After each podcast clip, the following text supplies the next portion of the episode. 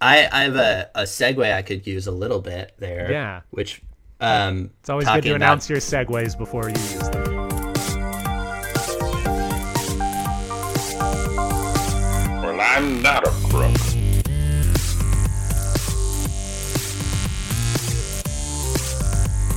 Because they are hard. Welcome to Presidential Deathmatch, the only presidential debates that matter. Today's headlines. This podcast is 0% counterculture. We remember less than what actually happened. And Riley E. Smith, new middle initial, same great sarcasm. Today we ask which candidate would make the best rubber mask, Strom Thurmond or John Kerry, using a Washington Adams debate because we got around to this a lot later than we should have. All that and more on today's Presidential Deathmatch.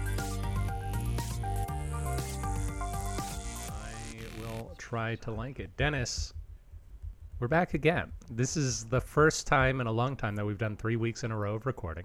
Very happy. Wow. And We're recording on the spooky day of Halloween. Ah. Ah ah ah. And Dennis, what are we talking about today on Presidential Deathmatch? Uh thematically we're talking about presidential ex president rubber masks. Mm-hmm. The infamous uh, rubber masks of lore. The Richard Nixons, which- the ex-president William Shatners of the world masks. Wait, I didn't follow. Just William Shatner also has a famous Halloween mask, uh, Uh but he wasn't a president, so it's uh, yeah. it's a joke. It's an attempt at a That joke. is interesting. That it's it's. I feel like that really gets to the crux of of it, though. Yeah, in a way. it does. It does. Uh, you want to finish recording? Are we good? Good? I think we've got to the yeah, truth. we're good. Excellent. Yeah, awesome. Well, it is a fine Sunday Uh, morning. I'm happy to be back here with you. you as well for this spooky episode. Ah, Dennis, we are talking about this season failed presidential candidates, Yes. and we are So, which president do we wish had an ex-president mask, but they never got the chance to be an ex-president? Well, I don't. I don't necessarily know that we need to put that much on it so much as which failed presidential candidate would make the best rubber mask. Yes, exactly. I think that's a perhaps a cleaner way to state it. 'Cause- and I know that this is going to be a crazy statement that I'm about to make. Um, so I don't want you to be scared, even though it is Halloween. I'm going to advance the opinion that we can care about politicians even if they weren't president. that is scary. Yeah, I think that's just where I'm at. So we don't have to, despite the fact that we are both wearing our presidential deathmatch, President Hughes, President Chase shirts right now. Very comfortable Available for purchase. at pronoiatheater.com slash store. please. If I'm not do. mistaken. You're not mistaken. We're going to be doing an ad later because that's a thing we do now. Aha. But it would also be remiss if we didn't say that we will soon be appearing on Ginger on Ginger unless that episode is so bad they refuse to air it. we are recording on Tuesday, so we don't know how well it'll go or when they intend to release it. It'll be fun. Different different target audience than this podcast. Yeah, uh, they target people, right? And we target ourselves primarily. Yeah, they're they're only targeting red-haired people from Montana. Yeah, which is a surprisingly large populate demographic in Montana. yeah. It's like 30, 40 people. So like half of Montana. But Dennis, let us talk about who we're going to talk about today. So, Dennis, which failed presidential candidate do you think would make the best rubber mask? Uh, I went with John Kerry, Ooh, uh, good old John Kerry, Democrat. He was born in 1943, still around, still working in the White House right now. He ran against George W. Bush in 2004. It's like the first first one that I kind of actually remember. I don't really remember much from Bush Gore. I remember a little bit about Bush Gore, but I, I remember a lot less than actually happened. Yeah, yeah, yeah, because that one was such a thing. And yeah, he ran. It was Bush's reelection one, so it was yeah, always always an uphill battle. But he was very annoyed about the Iraq stuff, and um, I think also just for him and his like political ascendancy, it was probably just one of those things where the calculation said it was the right time. He just very much is that kind of a politician. Right. That was But, during yeah, a he- sorry to interrupt. That was during a crazy time in American politics where they kept trying to put Massachusetts politicians up to become president to recapture the magic of Kennedy, a la Michael Dukakis Yes. and Mario. What's his name? Yeah, and he is so part of that. I mean, he he worked with Michael Dukakis very closely in Massachusetts stuff, and then he even like he was dating Jackie Kennedy's little sister in his youth, and like when JFK was president, like J- John Kerry was like sailed with JFK. Which like, What a relatable guy. I know it's such a small world. Well, that actually kind of gets to uh, like I mean the world of people who ever would become president in such a small world, not just in general. But that actually kind of gets to the crux of why I think he would make such a good uh, president. Mask because he's zero percent counterculture, and I think what part of what works about them is that it's like then when you a bank robber wears them or whatever, it has this like kind of really ironic feel to it because it's like the ultimate like counterculture move to like be that ironic with these people that are like so not that way and so PC to like the definition of PC. Yeah. Also, he's kind of in the same sense. He's like kind of always wearing a mask. You're like, so if it's which I feel So like it's is several also part of what makes them so amusing. Yeah. yeah, yeah. yeah, But exactly. We'll be talking more about that a little bit later. Well, Dennis is talking about John Kerry. I'm talking about Strom Thurmond. Strom Thurmond is another one of the third party people who ran for president. He ran as what was called a states' right Democrat in 1948 against the official Democratic nominee Harry Truman and the Republican dom- nominee Thomas Dewey. Strom Thurmond was alive between 1902 and 2003. He did not make it to 101. He did die at age 100. That's crazy though. Yes. Well, what's crazier is that he, uh, at the time of his retirement, he was the longest serving senator in U.S. history. And he was still a senator at the age of 100. Oh my gosh. Yes, yes, yes. Uh, he served as the president pro tem, Dennis, which you may recall from our conversations last year, that the president pro tem is the third person in line, the presidential line of succession. So for uh, between the ages of 99 and 100, he was right. He was real close there. If Bill Clinton and Al Gore, Bush and Cheney were taken out So it's it's after Secretary of State, after Speaker of the House.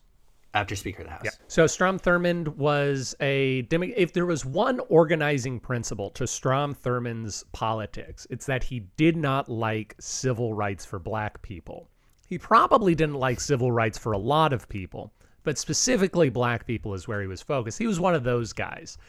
He uh, he felt that Harry Truman was a little bit too nice to black people, which is why he decided to run as states' rights Democrat in 1948. He That's so long ago. A states' rights Democrat. Mm-hmm. they they formed a new party called the States Rights Democrat. They nominated him, he ran it, and then he sort of disavowed the party after he lost, which is a pretty normal thing for these establishment politicians to do is to flirt with a third party and then leave them behind when once they got what they needed out of them. He was one of the last third party candidates to win states. He won four states in the election of 1948 Louisiana, Alabama, Mississippi, and South Carolina, which is his home state. At the time he was governor of South Carolina, he would later run as a write in candidate for Senate when again he felt the Democratic nominee was too moderate towards black people. He said, We don't want that in South Carolina. Write my name in for senator. He won that election. He continued to win eight Senate elections in a row before he retired in 2002. Now his seat is occupied by Lindsey Graham, who continues his fine work in Strom Thurmond's name. That's so old. Like, it obviously doesn't make sense to still be Right. like, so, and that is part of at 99. that's part of what I'm going to talk about is how uh, Strom Thurmond was a fixture in American politics until 2002. And he was a man who ran on segregation multiple times in his career. So, uh, so, so I'm talking about how the fear of uh, America's past isn't quite as far in the past as we want it to, because uh, Strom Thurmond worked with many U.S. presidents, such as Richard Nixon, John Kennedy, uh, Joe Biden worked for 30 years with Strom Thurmond from 1972 or 1973, I suppose, is when he took office, to 2002 when Strom Thurmond retired. And so I'm going to talk about the the fear within us is why Strom Thurmond. Also, his face when Strom Thurmond was young, he looked like Spider Man's Vulture, Michael Keaton as the Vulture.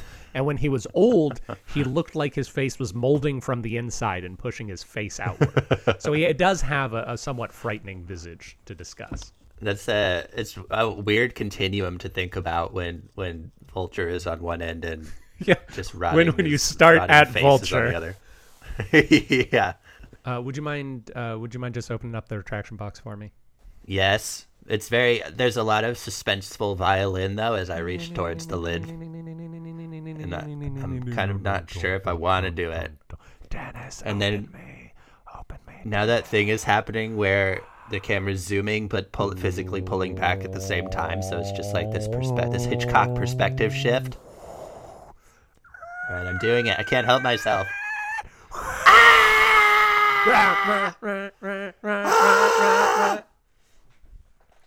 I'm dead now. Okay. Well, I hope you died knowing that you valiantly opened the retraction box so that we can talk more about Ed Coles. Dennis, do you remember Ed Coles from last week? No. when, when did Ed Coles come up? Ed Coles was the Virginian plantation owner who spent a decent portion of his life buying up a lot of land in Illinois, freeing his slaves, and setting them up on land in Illinois. Ah, I specifically said last week it's a shame more people don't know who Ed Coles is because he's a really good example to follow of how to treat people when when we get into a tricky situation like that. Well, I I want to talk I agree. briefly, You know? yeah, more people should know. Ed Coles, Yeah. great guy. Ed Coles, Worked for the White House, knew James Monroe and, and Tommy J. not the man who invented coal, which can often be a point of confusion. Yes, that is true. Uh, this the man who invented coal was a little bit older. Uh, his name was Joe Manchin. He's been a fixture for a long time. Ed Cole's son, who I believe his name was Michael Coles, but I can't actually find my notes at the moment. Michael Bolton. Yeah, Michael Bolton. Oh man, we're about to slander Michael Bolton hard based on what I know next. So Ed Cole spent a lot of his life being an abolitionist, much like Benjamin Franklin's son, Ed Cole's son, Michael Coles perhaps, and or Michael Bolton, would turn on his father's principles by becoming a general in the Confederate Army, which was very embarrassing to Ed Coles because he got to live just long enough to see his son die fighting for slavery. And then also to see uh, Strom Thurmond become a senator. Yes, uh, but he didn't know that that was a problem quite yet. Yeah. He was like, well, "Yeah, yeah, like we don't want slavery, but segregation is probably fine." I don't actually know Ed Coles' This views Vulture on man segregation. seems progressive. Yeah, whoa, a little too progressive for my taste. But that is Ed Coles, and I also did a little bit of fact checking on your claims of Hawaiian suffrage, as well as continued reading in my Mm. book on Hawaiian history. That's probably good. so last week you said that uh, in your reading of suffrage and Belva Ann Lockwood, it seemed as though Hawaii gave suffrage to women and then ended it at some point. Now, I did not find any evidence for that, but what I did find, Hawaii switched from being an absolute monarchy to a constitutional monarchy in 1848 the Constitution did not forbid the right of women to vote in municipal elections. And so it is hypothesized that they could have voted legally, but is unclear as to whether they did vote. Then in the 1890s, when uh, the Republic of Hawaii was founded and the royal family was overthrown in an illegal coup, they did definitively establish a constitution that forbid the right of women to vote. So there was an uncertain right, and then there was a definite taking uh, not right. And then there was actually a lot of fascinating conversation with some Native Hawaiians, seemingly Native Hawaiians, over trying to get women's rights to vote in the early 1900s, much like there were suffrage movements throughout the United States during that time. Those were not successful. And so Hawaiian women finally uh, gained or regained the right to vote with the passage of the 19th Amendment in 1920. Yeah, it's just it's an interesting thing to look at how that all the suffrage stuff intersects with just with the imperialism and things, or even even with like just Native American populations in general, because it's like it's just like one facet of those of the clashes of cultures. Potentially, it's yes. There was uh, so there's this whole thing in Hawaiian life that what was important was your blood. It was a different form of oppression. They didn't Hmm. care necessarily whether you were male or female. They cared whether or not you had aristocratic blood in you, or or tribal chieftain Hmm. blood. They they would call it, and so you were granted rights based on how good your pedigree was, which I don't think we would say is good, uh, but it is differently bad. It's it's very British. Yes, yes, it is very British. Very European. There's a funny story in the like- book. I highly recommend reading this book, Unfamiliar Fishes by Sarah Vowell, where Hawaii gave itself to Britain. They had British, um, like Captain Cook, etc., came over to Hawaii, and Kamehameha II in 1812 uh, roundabout said, "You know what? Hawaii is now a vassal of the British imperial might. It does not appear that there was a war. He may have tried to avoid it, or he may have been trying to shore up his own military might by saying, "We are going to be a vassal of Britain, but I remain chief of Hawaii." And uh, Britain was expanding so rapidly that they didn't know. They they didn't know that Hawaii gave itself Wow. over to them. And then about 30 years or 40 years later, right before the constitutional monarchy was established, they finally talked to Britain about it and Britain said, "Oh, no, we don't I'm sorry. I didn't realize you No, well you're your own thing again. Don't worry about it. Don't worry about it." I oh my goodness, I feel so embarrassed. I feel so embarrassed. You were waiting on me this whole time to give you some orders. No, that's not what we want to do. We're we're busy in India right now, as well as the north of Africa. Please, please, please handle yourself. We'll be more than happy to be friends and trade partners, but, but we don't want to be uh, take responsibility for this project at at this time. No, thank you. That is wild that they're like, oh, the priority list here is just. How is Hawaii not your first priority? If you if you have the option of owning Hawaii, that's I don't know. My guess is it was a little far away. Yes. Oh, s the sun. Oh my goodness. Well, I don't know about know islands this. are supposed to be supposed to be dreary things. Why is there all this sand on these beaches instead of just sharp rocks everywhere? I don't understand it. I don't like this. This Couldn't seems throw a person off this island if you tried. terribly They wouldn't be battered by wind against the cliff sides until Oh. they died. They would just enjoy it. Huh. No, thank you. No rain. Where's my rain? I need rain to match my demeanor. Carolyn and I bought tickets to Hawaii for her for her birthday in February. Mm-hmm. Looking very much forward to it, and then we got invited to a wedding very shortly thereafter. So now we're going to Hawaii like twice Oh, very cool. in, in very in very uh, quick succession. Someday I will also be part of Hawaii tourism slash guilt tourism. Can't wait for it to happen. honestly, I is, uh, that's I have accurately said. More things to talk about Hawaii, but I will perhaps save them for future episodes because Hawaiian history continues to be great. In our slow shift to becoming a Hawaiian history podcast, Podcast. That's really the dream. yes, Then you could write that trip off. to to Pronoia Theater. Yeah. Finally tap into y'all's slush. PronoiaTheater.com slash store, everybody. Another attraction I wanted to mention was that I Riley was talking about how if you Google Riley Smith, you just will not find her, and I've experienced that. Um, actually, I one time was like, oh, I should find her like stuff online, and it's just impossible. That's a that is a challenging SEO game for Riley Smith. There's a lot of Riley Smiths out there, um, soccer players, all the rest. Uh, so she was like, search Riley E. Smith because I'm the Riley E. Smith that you'll find. And I realized you and I always say always refer to her just jokingly as Riley P. Smith. I don't I don't know when that started, but like I think she's even in my phone as Riley P. Smith. And I was like, so we should stop doing that because that's like her only access to to people online is by being Riley E. Riley Smith. E. so- Smith. Well, on the same token, if she's already known as Riley P. Smith, Yeah. You know, there's nothing wrong with a pseudonym. Yeah, maybe we've just given her access to two middle initials. Yeah, exactly. That's even more SEO. Well, you're welcome, Riley P. Smith. And Riley E. Smith from Presidential Deathmatch 2. I wanted to briefly talk about Dennis, and uh, you you can respond if you like, because I imagine what I'm about to say is not going to be very popular.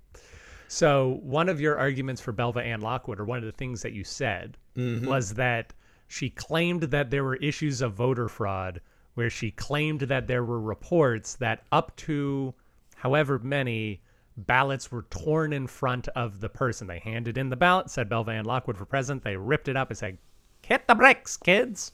Yeah, very familiar claims. Yes, and and Riley seemed to instantly latch onto the idea of, oh, that was terrible that that happened to Belva Ann Lockwood. When it is the exact same level of proof that the Yeah. voter suppression claims from from last year garnered, Yeah, which we also all instinctively rail against. Yeah, which I I, I really liked that, and yeah, I, I I'm glad you brought it up because it would have been fun to talk about that more because I do think it's really interesting. I think the the point that I ended up kind of trying to lean into a little more uh, last week was more about the the sort of her whole thing in life was always chasing down these things so mm-hmm. that they were forced to be acknowledged and addressed. Because like the fact that she couldn't get like an official count on her votes and stuff like that was the thing that actually mattered to her because then in the future people would have to take it seriously if a woman ran.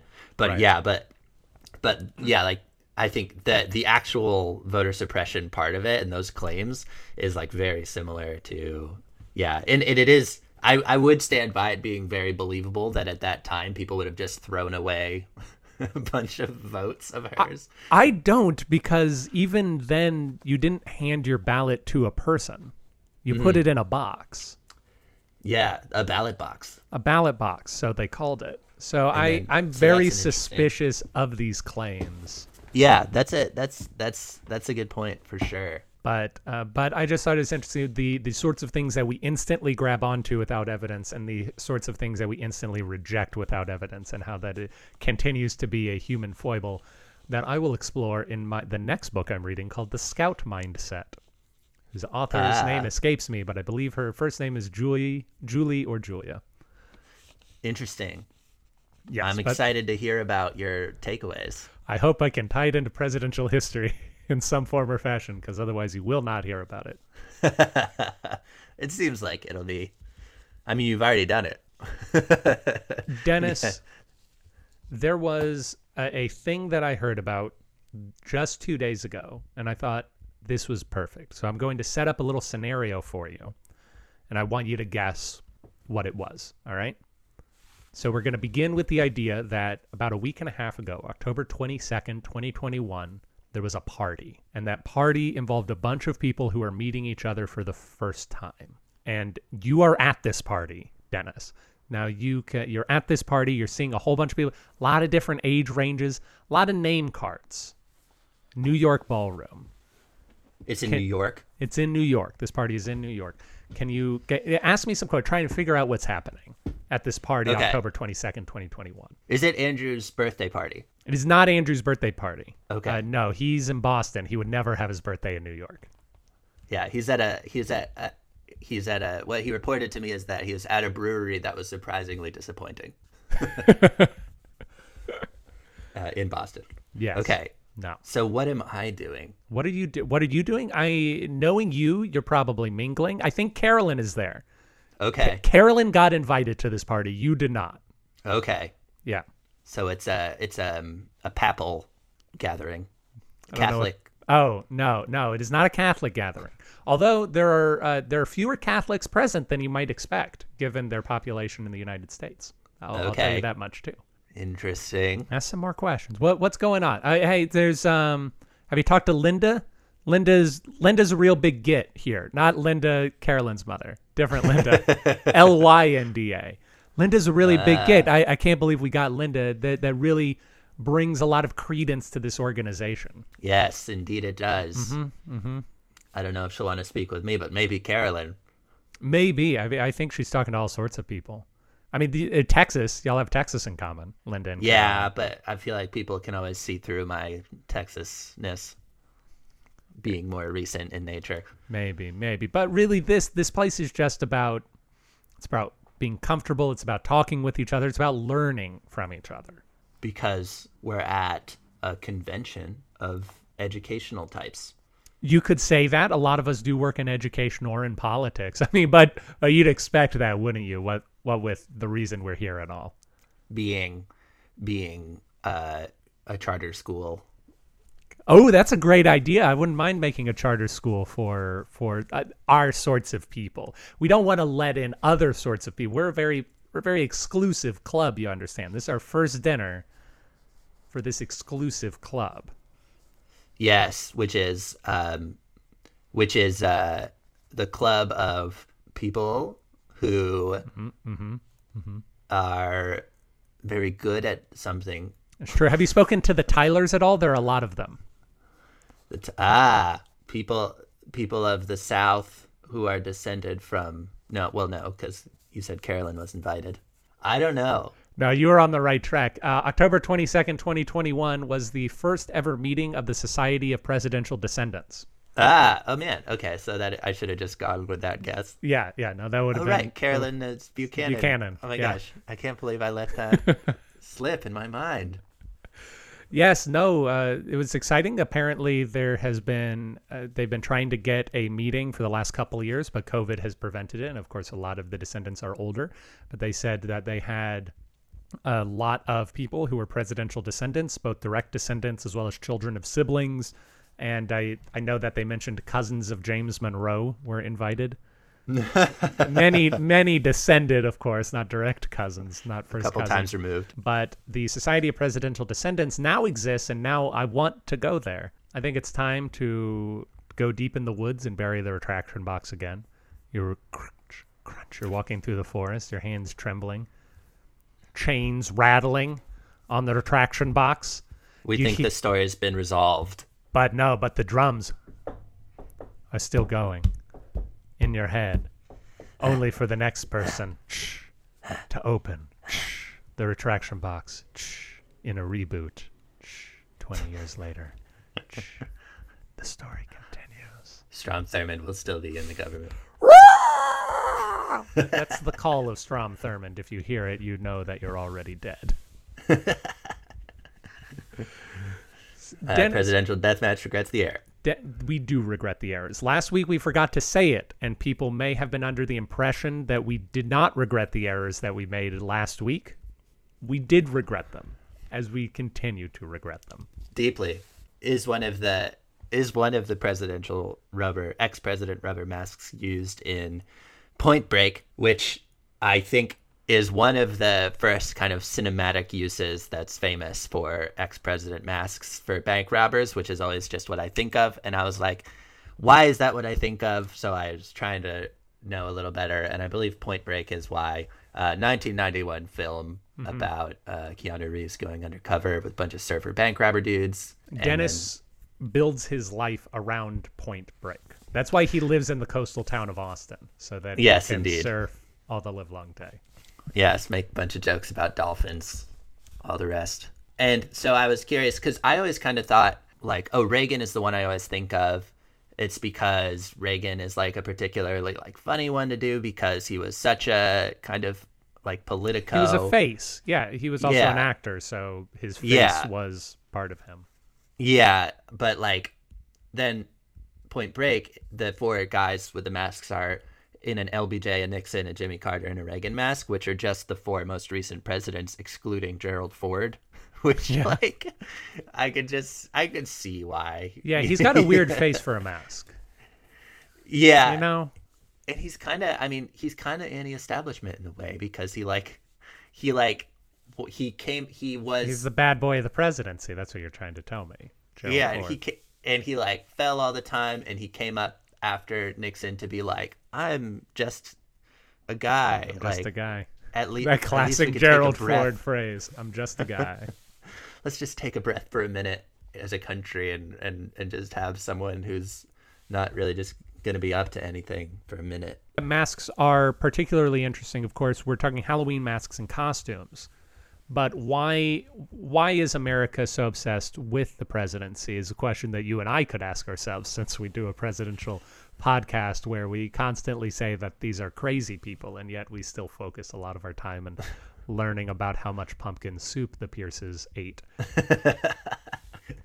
but I, I heard I heard it said somewhere this past week. I, I don't recall where that uh, that the president is sort of America's number one celebrity at any given time. It's it's a person that all of America knows who it is, and that's also the subject of a song in Bloody Bloody Andrew Jackson, a musical that you and I are both fond of. That's a that's an interesting point. As famous as anyone else seems, they're probably less famous than the president. Yeah. I remember there was a speechwriter for Hillary Clinton, and I was listening to an interview that he was in, and he said that they were getting a briefing about advertising because a lot of when you're first running for president, say you're a Barack Obama and you're a junior senator from Illinois in 2007, the the thing you need to do is build awareness for who you are. You need to make sure that people know who you are and what your name is. And he said that 2016 was really weird because for the first time ever, both presidential candidates had 100% name recognition. There Uh-huh. wasn't anyone in the country who didn't know who Hillary Clinton was. There wasn't anyone in the country who didn't know who Donald Trump was. Yeah. And that celebrity level, it, it lets us connect to their face. Even if the Richard Nixon mask, that's the one that's uh, most in my head, the one I can picture most clearly. It's car- uh, it's a caricature. His nose is a little bigger, and his chin is a little bigger, and his cheeks are a little bigger than in real life. But you recognize who it is immediately, despite the fact that you and I have never seen Richard Nixon give a speech. Besides, uh, well, we, we've seen recordings of it.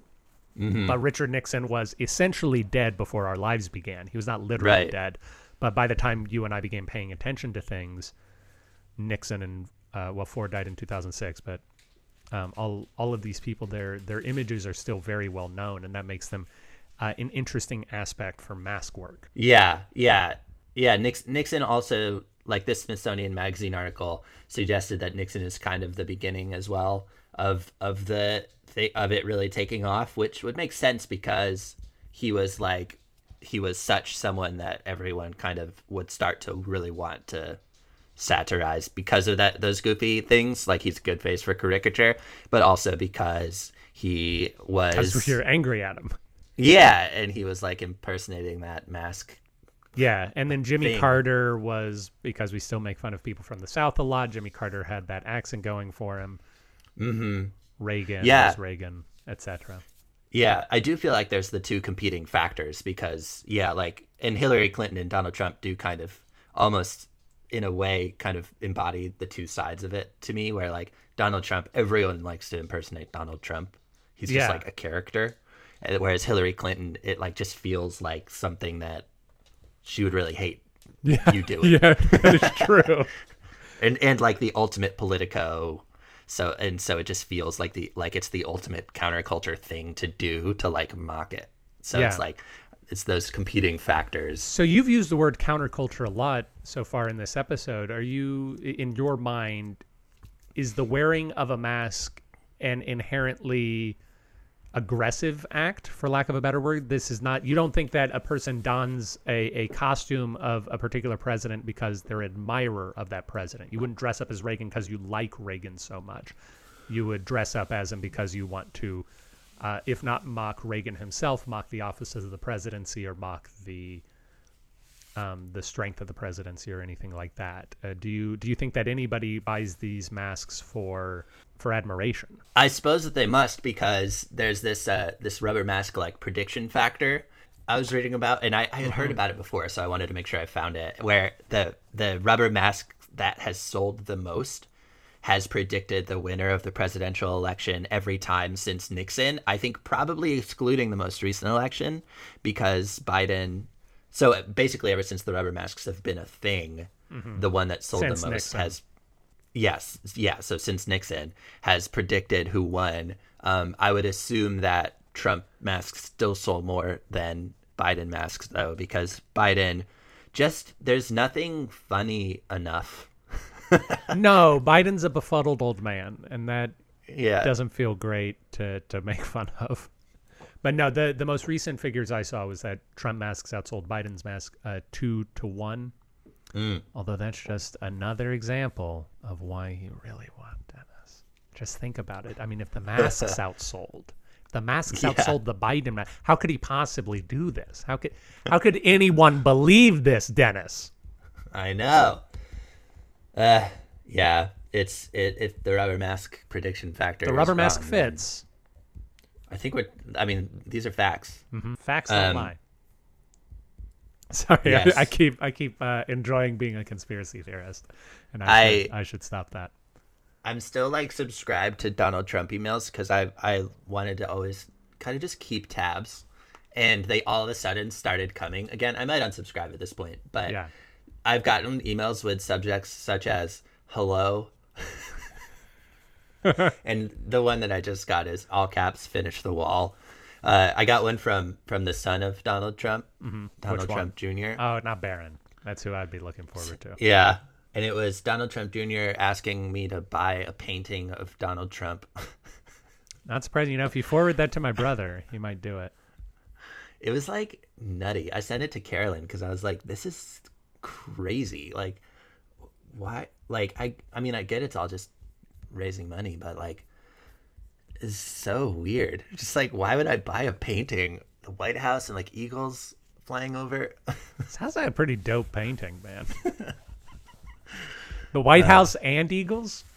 So another another thing about masks, caricature, etc., is the uncanny valley, the inhumaneness of it. We are talking about Halloween, and Halloween is theoretically a holiday that is built towards scariness. So I've also been thinking about why why are masks scary? And they sort of like you were discussing with John Kerry, they obscure one's natural features. You can't tell what a person is really thinking, acting, or doing when they are under an implacable mask. yeah. A, a rubber mask cannot render human features elegantly, and so there's a stiffness and a waxiness to it that we recoil against. I was watching the latest episode of Doom Patrol last night, and one of the characters was a, a plastic figure come to life, and he was just he was very blocky. He was rendered very well in costuming, and it was unsettling because of the the plasticness of it. Mm. yeah I, I think that gets to that counterculture bit of it as well where like like the bank robbers in in point break like there's an inherently like it's funny but it's also a little bit of that like scary clown kind of thing where you know like there's no there's obviously you're not seeing any of the features or anything but also just a little bit of that i think like aggressiveness like you were talking about or i guess aggression is the word but like of of just being like the leader of the uh, like it's very anarchist kind of because it's like i'm robbing banks like i'm i'm like literally open to killing people like and i'm going to do it dressed as like the former leader of the free world like you know person who could easily be on this currency that i'm stealing so i don't know yeah it's something about it just feels is very like has a poeticness and an intensity that i think also kind of has woven itself into pop culture from the the the bank robber movie stuff being so well known. Yeah. Exactly. Dennis, do you have any more thoughts on masks before we move on to this surprise game that you had? Surprise game. No, I don't think so. I I did learn that Halloween. Uh, so fun fact. I did. Did you know Halloween came to America with the Irish immigrants, just like St. Patrick's Day? No, no, I don't believe I did know that. I would have So, guessed it was Eastern. European. If I had to guess, if somebody pointed something at my head. Yeah.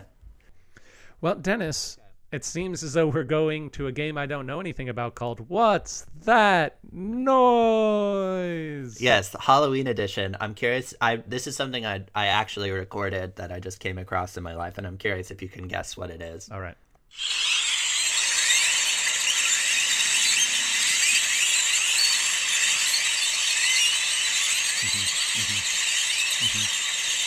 My first guess is going to be a secret language that Carolyn and Bluebell came up with to exclude you from conversations. That's a good guess because Bluebell is, of course, spawned from the fires of hell, and that is clearly the sound of, of Bats. Of Is it hell bats? itself?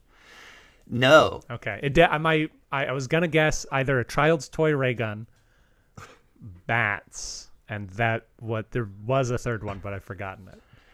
it is. Uh, the domain is like Austin's Galleria area, Mm-hmm. you know, and um, and there were so many grackles, like like Crackles. and we've encountered like in Houston, I know in Rice Village sometimes the the grackles all just descend Mm-hmm. upon, and it was that, but it was like the most I've ever encountered, and they were all it, they were screaming all just to the point that it just became one wall of sound. Ah. Yeah, and it was like this is what people are trying to create in horror movies, like this effect. this sound it right here. so crazy. I'm glad you it captured it. so spooky. Yeah. Uh, yeah, I had to. A bunch of people were like, "Oh, you're just recording the grackles." Yeah. What would I was you? like, "Shh." I am trying to get a wall of sound.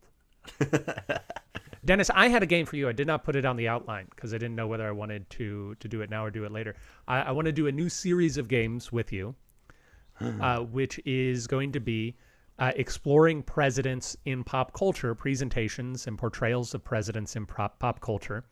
And so I am going to describe a character, and you have to tell me the musical and which president you think it is. Okay?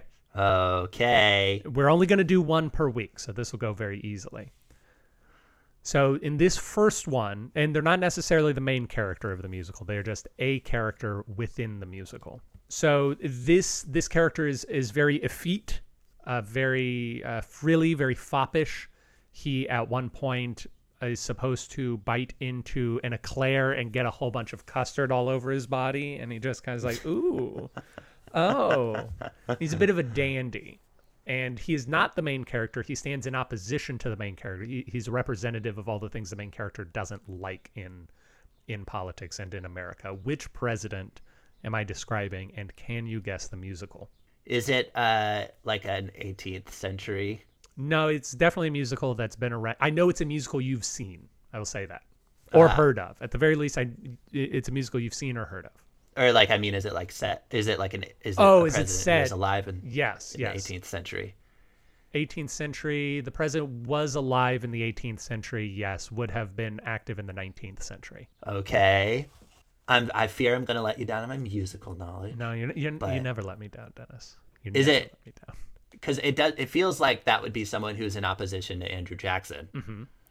It's a good So guess. is it Bloody Bloody Andrew the Jackson? musical is Bloody Bloody Andrew Jackson. Cool.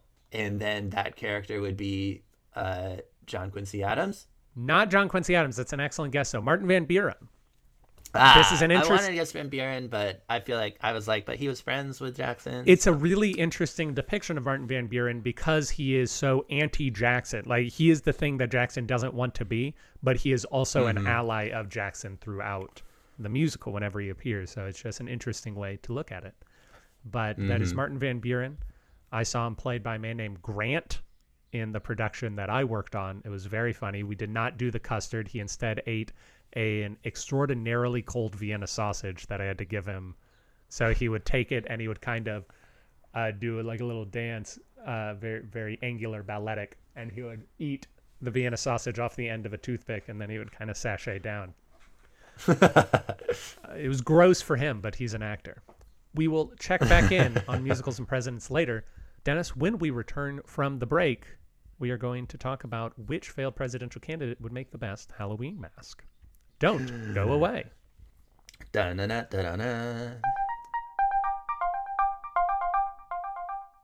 You need to do a t-shirt ad. All right. Yeah. The shirt I'm wearing today is the Salmon P. Chase shirt, and lest I remind ye, he was a great dude. Thought about equality sometimes, and probably related to Chevy Chase. So if, if you ever laughed at Chevy Chase, and it's it's in a great red. I don't know if there's a variety of other colors you can get it in, but if you look at your red T-shirt category, mm-hmm. how are you doing there? Because I wasn't doing well, and I thought, you know what, I could really use a red tee. So definitely recommend it. It's it's a it's it's a great. I feel like it's a great fit, soft. The other nice thing is you go on there, you look at it, and you're thinking about it, and you're like, you know what? It's really close, but no cigar. Well, that's okay because now you're in the store, and there's a bunch of other great shirts there as well. There are. There are. Obviously, you wouldn't get the Benjamin Harrison one, but Because it doesn't exist. classic- Yeah. oh yeah, because it doesn't exist. Maybe you would get the um the the one that Aaron has. if you go to pronoiatheater.com slash store. All right, Dennis, we are back. We're back. We're going to do a debate. It's going to be a clean debate this time. I know that you and I like to swat each other, send SWAT teams over to each other's houses while they're in the middle of a debate to make them look foolish. We're not going to do that today. You're instead just going to have a nice, clean debate over which ex president would make the best rubber mask. I'm arguing for Strom Thurmond. You are arguing for John Kerry. and I will talk about Strom Thurmond right now. So Strom Thurmond, as I have said before, he evokes a lot. Of, number one, he's he's a figure we should mock. He is a face we should know, so that we should know that we don't want to be part of that. He's representative of the ongoing tensions in the South since the Civil War. He is a man who hides his his repugnant views under the guise of states' rights. He's a man who holds on to power far longer than he should have it. He's a person who literally said to uh, another Mississippi senator, "Here is how you can enact policies against the black people and still get them to vote for you." Uh, he he is a man that is representative of all that is wrong in America, and that is why he should strike fear into your hearts. He he is also a, a figure of of some of some fortitude. He is not merely a run of the mill racist. I feel fairly confident calling him a racist, although he would he frequently said he was not a racist. But uh, he uh, he has the record for the longest filibuster, actual filibuster, in United States history at over 24 hours speaking. And there's some fuzzy details to that that I can get into if you want. But he is he's sort of mighty racist. He's the Red Skull of American Southern racists. Uh, so so he is a man deserving of scorn and a man deserving of knowledge so we know to fight against it. And that is why Strom Thurmond and his equine face would make the the best rubber mask in my opinion. Hmm. So what what do you think like his presidency would have been like? Uh, that now he's an ex-president. People get the mask, and then like they say these little nuggets of things from his presidency. Uh, well, they would say, man, he really set civil rights back a long time. Uh, segregation now. Say this is a Henry Wallace line of segregation now, segregation yesterday, segregation forever. But Strom Thurmond was within that mindset quite a lot. I, I think that they would say, hey, he really uh, screwed up the textile industry, didn't he? Because that was a weird thing he wanted to do was nationalize the textile industry because South Carolina was trying to make cotton and things, and he didn't like overseas prices. So I think that he would have really screwed up the presidency for Dwight Eisenhower in terms of the American economy. And I wouldn't be surprised if he got us in deeper with the Korean War than Harry Truman ultimately did because he seemed like a pugnacious kind of fellow. Those are the things that I would think would come out of a Strom Thurmond presidency. That like the warmongering feels like such a such a one that people would cling to because like that's the thing that makes presidents memorable. Something we've talked about a lot on this on this podcast is that we forget the presidents who didn't have wars. Um, but it's also something that's kind of inherently easy to be like very disgusted by. So it's like like my my my concern with Strom Thurmond would be that there would be like a lack of joy if there was just too much hate going on. And that in a Oh, weird way, if if he got a bunch of support from the war, if he dug his heels in deeper, I, I think that he would have had a number of fine accomplishments similar to a Harry Truman or Dwight Eisenhower. There are so many things that aren't controlled by the president, but we give over to the president anyway. Just the size of the executive government is so large. So, although I think he would have screwed up the textile market with tariffs and things, I, I think other parts of the economic sector would have been fine. I think you're still bathing in the post World War II glow. So there's going to be some baby boom stuff happening regardless of who's the president. There's going to be redevelopment happening in America regardless of who's the president. Mm, interesting, interesting. Yeah, because that, yeah, that that's the that's it's almost like it would have helped his legacy a little, and then that would have that would have to me that would make the mask more because like I do wonder even now like like I don't feel like I would want to wear a Trump mask, but No. I'm sure that the Trump masks are still selling like crazy, and like we were talking about before, is that is that coming from people who are just Trump fans? Is that coming from people who are ironically the article that uh, the Smithsonian Magazine said that loads of people were buying Hillary and Trump masks so that they could go as a couple as both of them. I think I that, that would have been. I would categorize Strom Thurmond as Richard Nixon light in the sense that he's going to not have the dizzying successes of a Richard Nixon, and he is also not going to have the depths of failure that Richard Nixon did. And so, it- just whatever feeling you have for Richard Nixon, just reduce it by about sixty percent, and I think that's that would be the national attitude on Strom Thurmond. I think there's a reason he didn't run for president again and just supported people like Richard Nixon, who he supported later on in his career, like Ronald Reagan. He probably knew that he was not he was not that guy.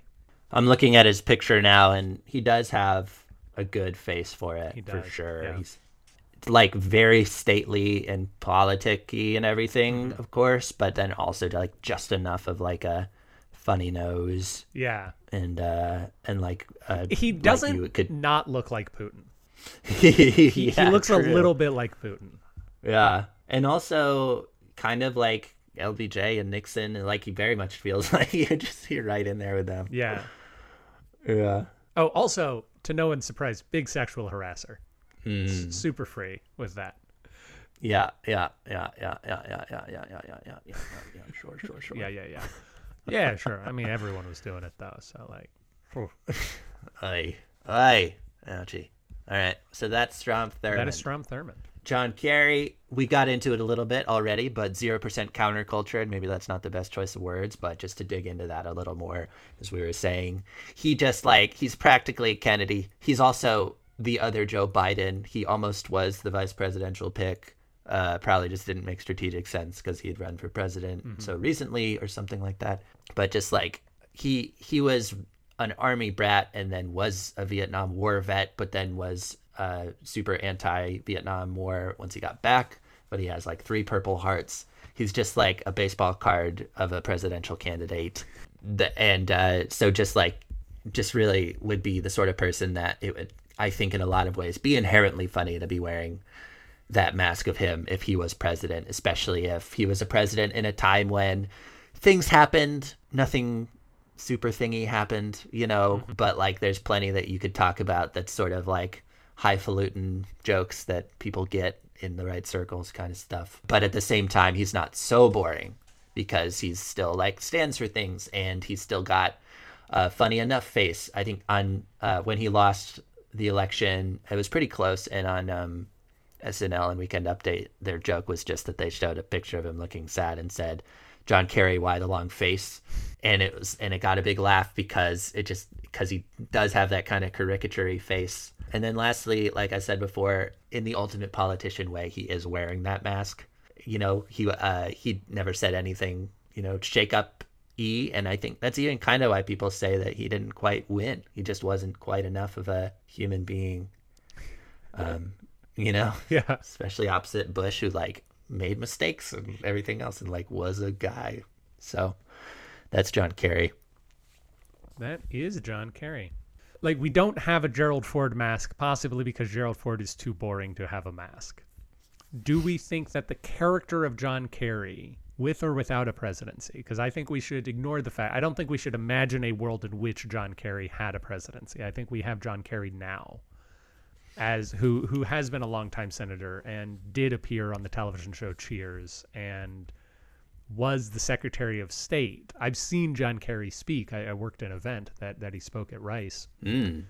Does John Kerry John Kerry have enough of a character to warrant having a mask of him? I think he does. I think one because like it could be a very recognizable mask, like I was saying, like it's a caricature enough face. But then also because like even just thinking about it for myself in this moment, like I kind of think it would be kind of funny to go Halloween with a John Kerry mask. Like I feel like people would be like, "Are you? Is that a John Kerry mask?" and you'd be like, "Uh huh." um, yeah, like and yeah, it, if you were to, I think he's kind of because he wasn't president. He's kind of just like out there in the world, and everyone, a lot of people know of him, but don't think that much of him, which is, I think, what you're getting at. But I think, like, when you do spend some time thinking about him, you realize that he just like is so representative of like what someone in government is. That's true. Um, yeah, like to an literally to an absurd extent, like as a, as a yeah, like a Vietnam War vet and a Massachusetts just like guy who was on a sailboat with the Kennedys, you know, and and uh, and he's married to Heinz ketchup, like uh, and everything else. It, it's just like it's it is he as a character like like the SNL sketches where like he he's um Seth Meyers plays him like the joke is usually that there's nothing funny to do um and so like it, which is I think again what you're getting at in that way there's not that much funny like it's not funny to do an impersonation of him yeah. but like suppo- to rob a bank Oh, I see. Yeah. with that mask on Yeah, or to dress up as a dollar bill with the face being John Kerry. That could also be enjoyable because he's kind of the banality of evil form of American governance. He's the the continuation of America for all of its goods and all of its ills. Yes, thank you for putting that so succinctly. You're welcome. Anytime I can help you, I try to. Just another thing for people to consider. Friends of mine do have a tarantula named John Kerry for many of the same reasons. Is they felt that John Kerry seemed like a tarantula and also an anti-tarantula. That it is both Yeah. makes sense and it also is the opposite of making sense for John Kerry to be the name of a tarantula. Yeah, yeah, yeah. Like uh, there was a recent on the Wikipedia. It says that there is a recent scandal uh, involving him with like a leaked audio tape about some conversations that he had because of with an international with about Israel or and stuff like that. Hmm. Um, hmm. And it's the sort of thing where it's like you would never be all that surprised, you know. Yeah. Uh, because you're like, yeah, I'm sure that kind of stuff's always happening. He's been doing this forever. Because he was also, yeah, I, I guess people listening probably know, but he was Secretary of State um, for the second half of Obama's presidency, and currently he is, he has a new position that they like just made up, but it's like climate change. Um, they they didn't they didn't make it up. They created a position. yes, It sounds like Well, it sounds like John Kerry has his hands in his pockets and he's kicking around and someone says, "Joe, can you just find something for John to do? He's just really down since he retired." And he's like, "Yeah, I guess we have a project going on. Uh, okay, John, you want to you want to I don't know, climate or something?" Yeah, yeah. No, yeah, that it's true. He he kind of he's always literally since college foreign policy stuff has been his thing. Right. He always was like head of that committee and then was secretary of state and now he's doing like the world approach the world tries climate change mitigation. Yeah. Please, everyone, remember to vote in this poll. It is very important that we know who wins the election of which failed presidential candidate would make the best Halloween mask. You can do that at the link in the description below. Next week, Dennis and I will be doing something. It'll Be very exciting. Goodbye. Bye. Ah, ah, ah, ah, ah, ah. Thank you for listening to Presidential Deathmatch. Presidential Deathmatch is a production of Pronoia Theater. You can find more out about us at pronoiatheater.com. This program was edited by Aaron Garrett with music by Dennis Buddy and hosted by those same two lovable goofballs. You can always email us at contact at pronoiatheater.com. If you enjoyed the program, we ask that you rate and review wherever it is you found us. It really helps us out. And if you didn't like the program, why don't you stick around? We really grow on you.